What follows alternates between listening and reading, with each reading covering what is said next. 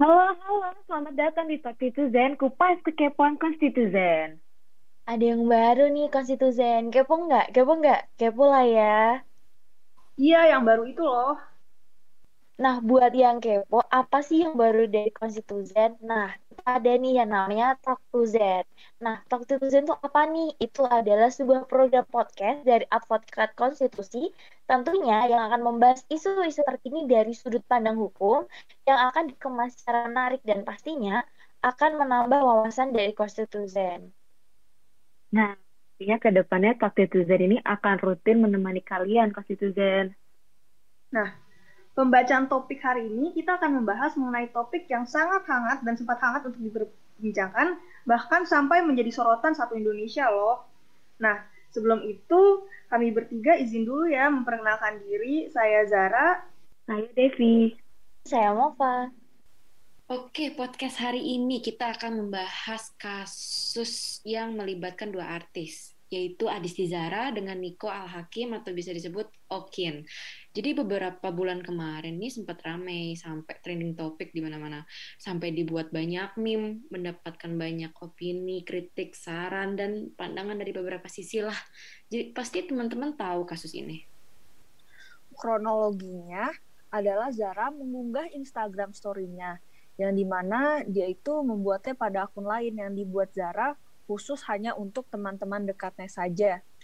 Lalu Zara mengunggah instastory-nya dalam bentuk fitur close friend. Nah, artian fitur close friend itu yaitu subbagian pengikut yang diberi izin khusus untuk melihat cerita pribadi yang bersifat privacy.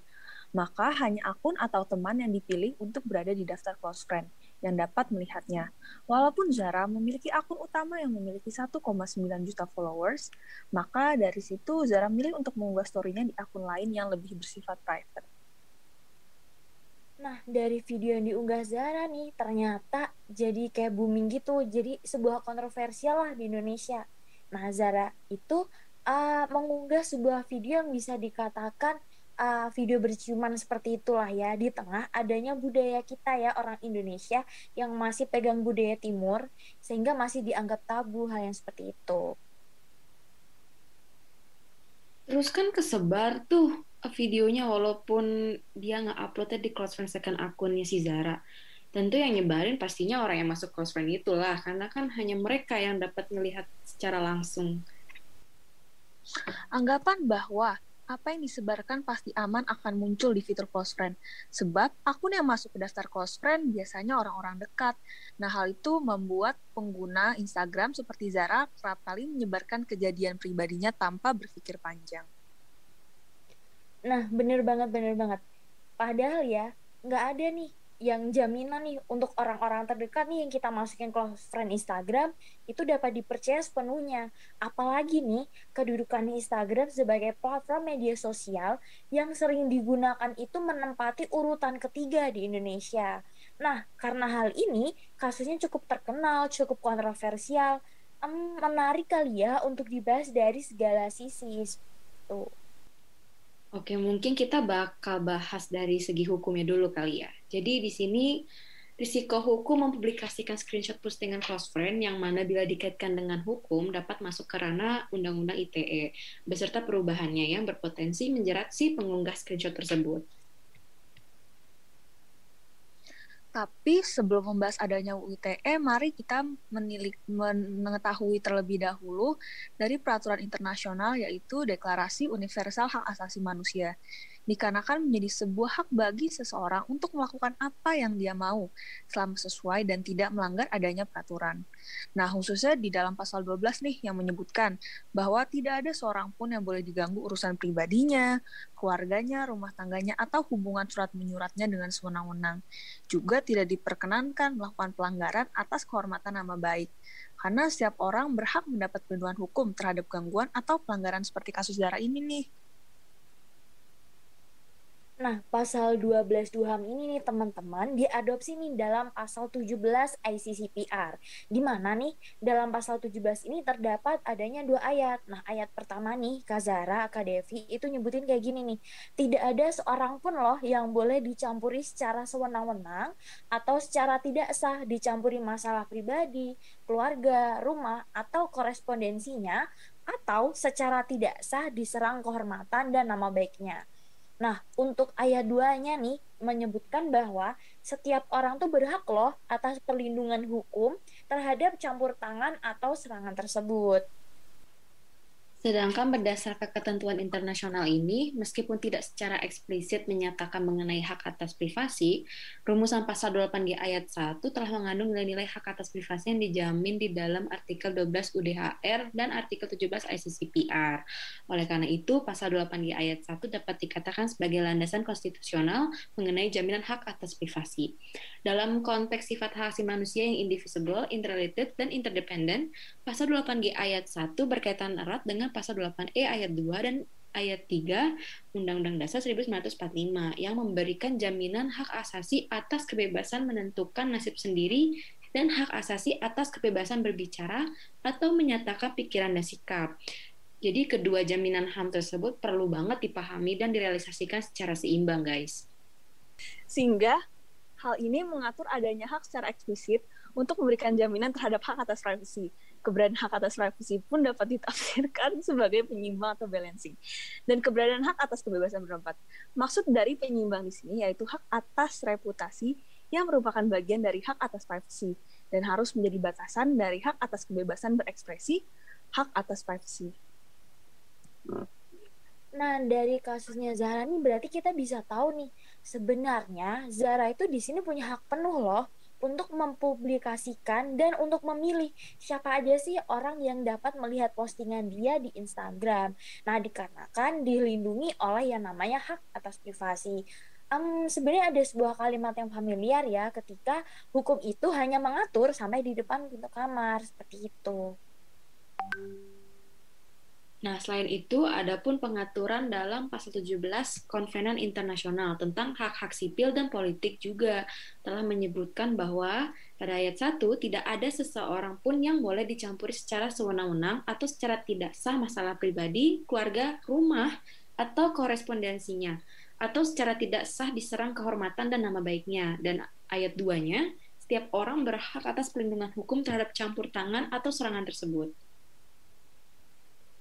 Kemudian, bila mengacu pula nih pada pasal 26 ayat 1 dan ayat 2 Undang-Undang Nomor 19 Tahun 2016. Nah, menurut Randi Arminto, SHLLM dari Indonesia, yang di mana dia merupakan spesialis di bidang Cyber Law Community atau ICLC, dalam artikel Jerat Hukum bagi Pengedar Capture Percakapan via BBM, menerangkan bahwa secara garis besar, penyebaran informasi elektronik private ke publik merupakan bentuk pelanggaran privasi law jadi, jika dalam unggahan capture atau screenshot, terdapat data pribadi yang di antaranya nama, tulisan, dan atau gambar yang dapat mengidentifikasikan seseorang, maka penyebaran melalui media elektronik tersebut harus dilakukan atas persetujuan orang yang bersangkutan nih. Jadi emang nggak boleh sembarangan ya. Sebagaimana hal itu sudah diatur di dalam pasal 26 ayat 1 Undang-Undang Nomor 19 Tahun 2016 tentang perubahan atas Undang-Undang Nomor 11 Tahun 2008 2008 tentang informasi dan transaksi elektronik. Nah, kecuali ditentukan lain dalam perundang-undangan, penggunaan setiap informasi melalui media elektronik yang menyangkut data pribadi seseorang harus dilakukan atas persetujuan orang yang bersangkutan. Jadi ingat ya, nggak boleh sembarangan teman-teman. Ah, di kasusnya Zara kan uh, penyebarannya dalam screenshot ya. Nah, dalam screenshot itu kan pasti memuat adanya tampilan gambar kan. Nah, dari screenshot tersebut nih teman-teman, ternyata dapat di, diidentifikasi nih, oh ternyata orang ini benar-benar si Zara. Nah, karena penyebaran ini dilakukan tanpa persetujuannya dari orang yang mengunggah, adanya story close friend, nah kalau dalam kasus ini kasusnya Zara ya, sehingga dua unsur tersebut ternyata dapat dipenuhi. Nah, apabila kita melihat dari UITE nih pada pasal 27 ayat 1, bahwa yang melarang setiap orang dengan sengaja dan tanpa hak mendistribusikan dan atau mentransmisikan dan atau membuat dapat diaksesnya informasi elektronik dan atau dokumen elektronik yang memiliki muatan yang melanggar kesusilaan. Nah, kemudian dilanjutkan dengan pasal 27 ayat 3 UITE, pengunggah screenshot tersebut juga berpotensi melanggar larangan dalam pasal 27 ayat 3 UITE berikut ini, yang berbunyi setiap orang dengan sengaja dan tanpa hak mendistribusikan atau mentransmisikan atau membuat dapat diaksesnya informasi elektronik atau dokumen elektronik yang memiliki muatan penghinaan dan atau pencemaran nama baik tuh bisa dipidana loh teman-teman. Nah, benar banget. Nah, tapi kalau kita merujuk pada angka 3 huruf C, lampiran keputusan bersama Menteri Komunikasi dan Informatika, Jaksa Agung, dan Kepala Kepolisian Negara Republik Indonesia nomor 229 154 KB garis miring 2 garis miring 6 garis miring 2021 pada tahun 2021 tentang pedoman implementasi atas pasal tertentu dalam Undang-Undang Nomor 11 Tahun 2008 tentang informasi dan transaksi elektronik.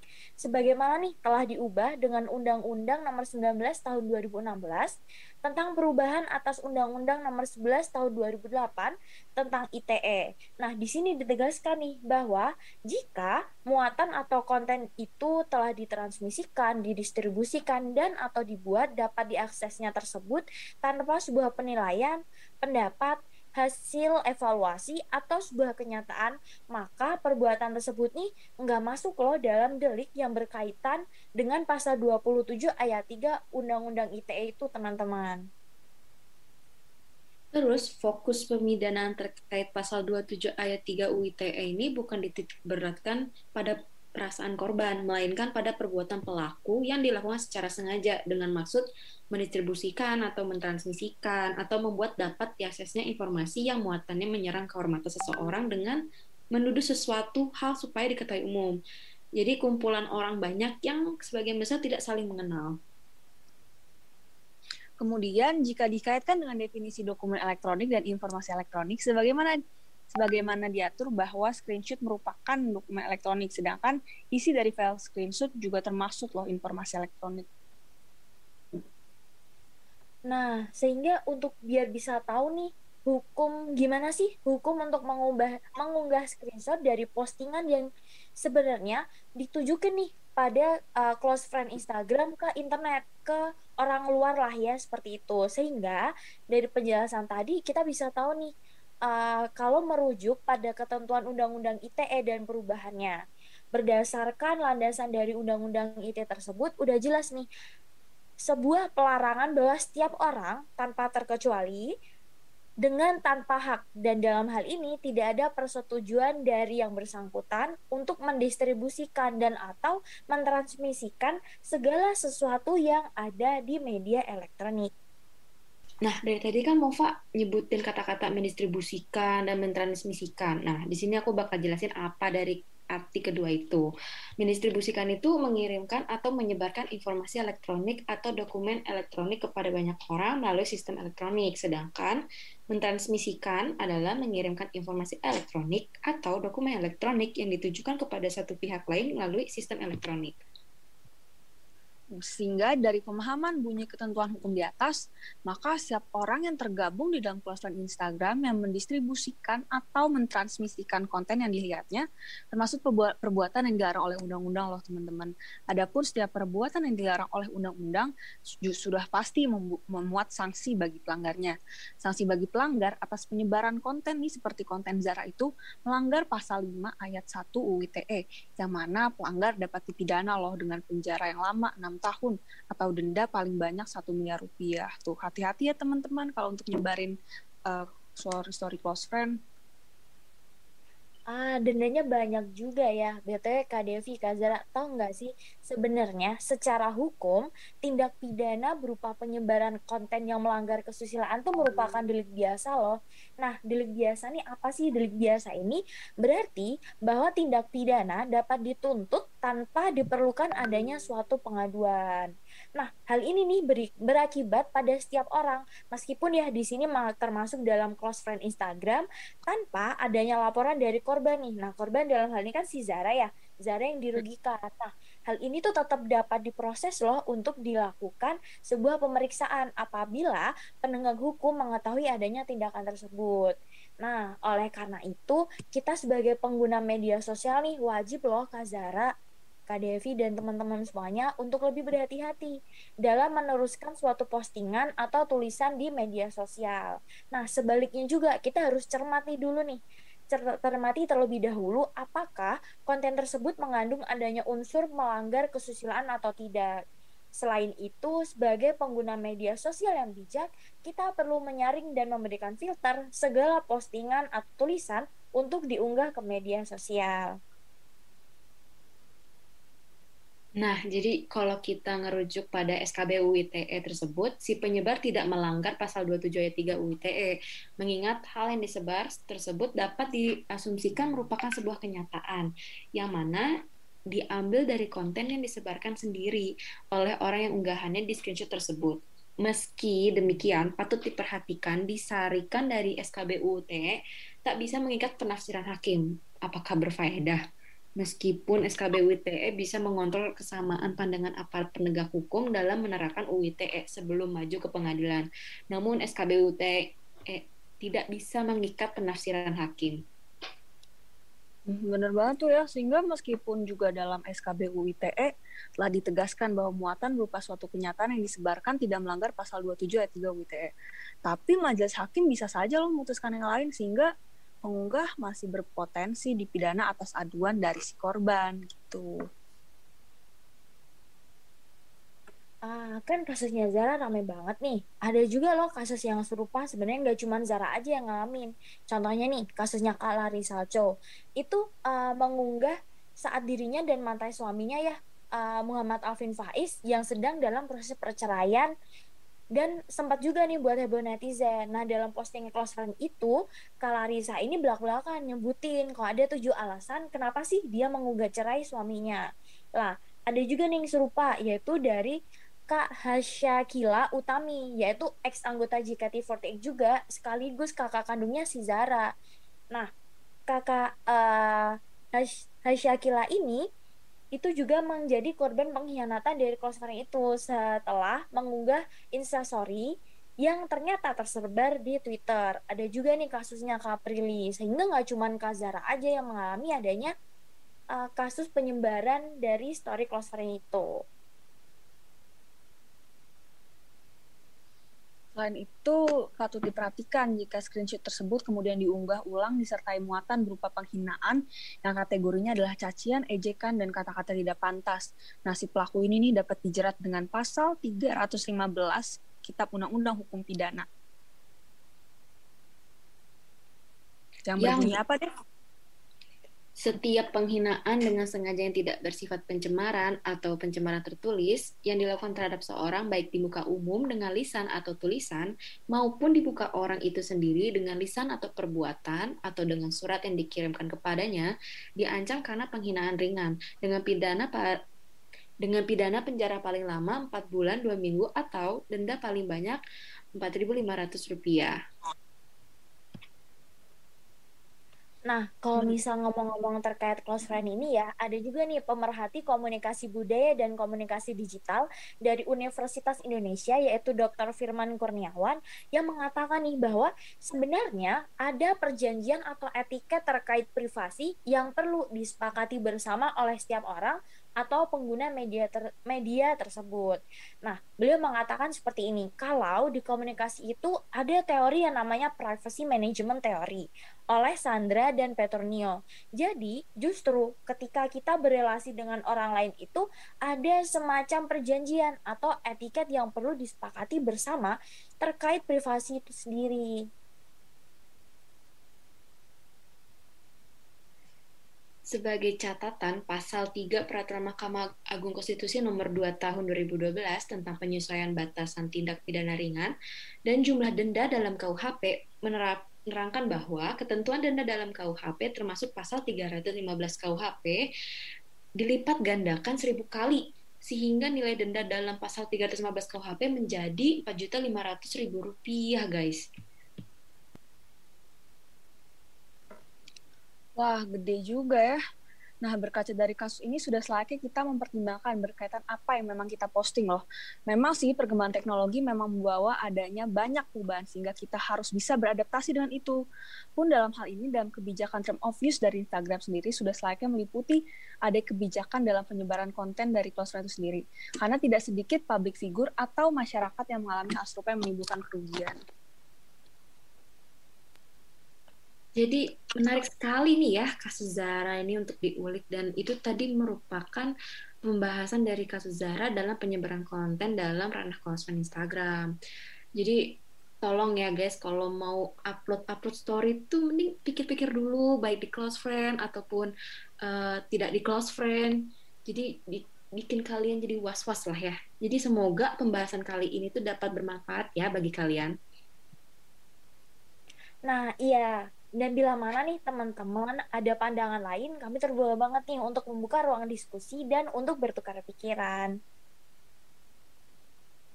Jangan lupa like, share, dan komen ya, serta stay tune di seluruh platform advokat konstitusi, karena akan ada banyak pencerdasan yang berkaitan dengan hukum dan konstitusi, oke? Okay? Jadi sampai di sini Talk to Zen, see you guys! See you!